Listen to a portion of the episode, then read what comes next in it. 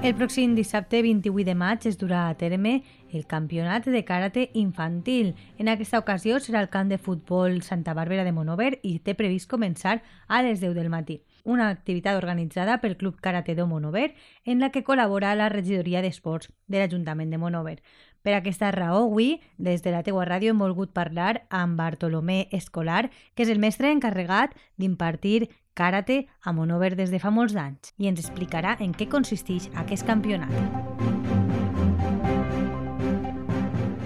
Buenos días. En primer lugar, me gustaría agradecer a los padres, madres que forman nuestro club de karate, Do Monobar, por la confianza y todo su apoyo depositado con sus hijos en nosotros. Asimismo, me gustaría extender este agradecimiento a la directiva de nuestro club, que conjuntamente con la Concejalía de Deportes de Monovar, pues nos hacen que todo sea más fácil y viable, así como, como este campeonato.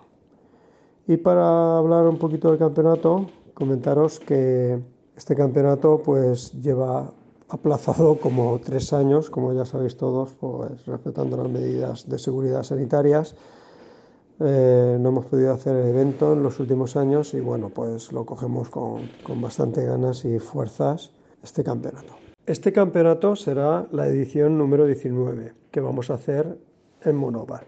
Y como novedad este año tenemos previsto realizarlo en exterior, es decir, concretamente donde, en el campo de fútbol donde actualmente entrena y juega el Monobar Atlético. La competición Consta de dos modalidades. Una de catas, que es donde salen a competir de forma individual, expresando un conjunto de técnicas ya preestablecidas de acorde a su nivel y cinturón.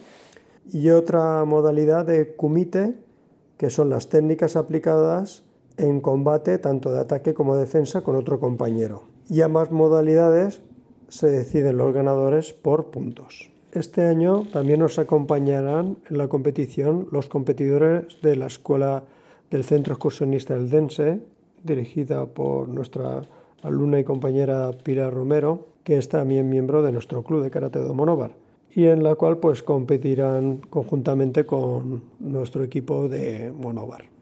Lo más importante para nosotros de un campeonato es que principalmente, independientemente de sus clasificaciones, es que los participantes pues lo pasen bien y puedan verse reforzados por ese afán de superación y de hacer pues cada vez las cosas mejor.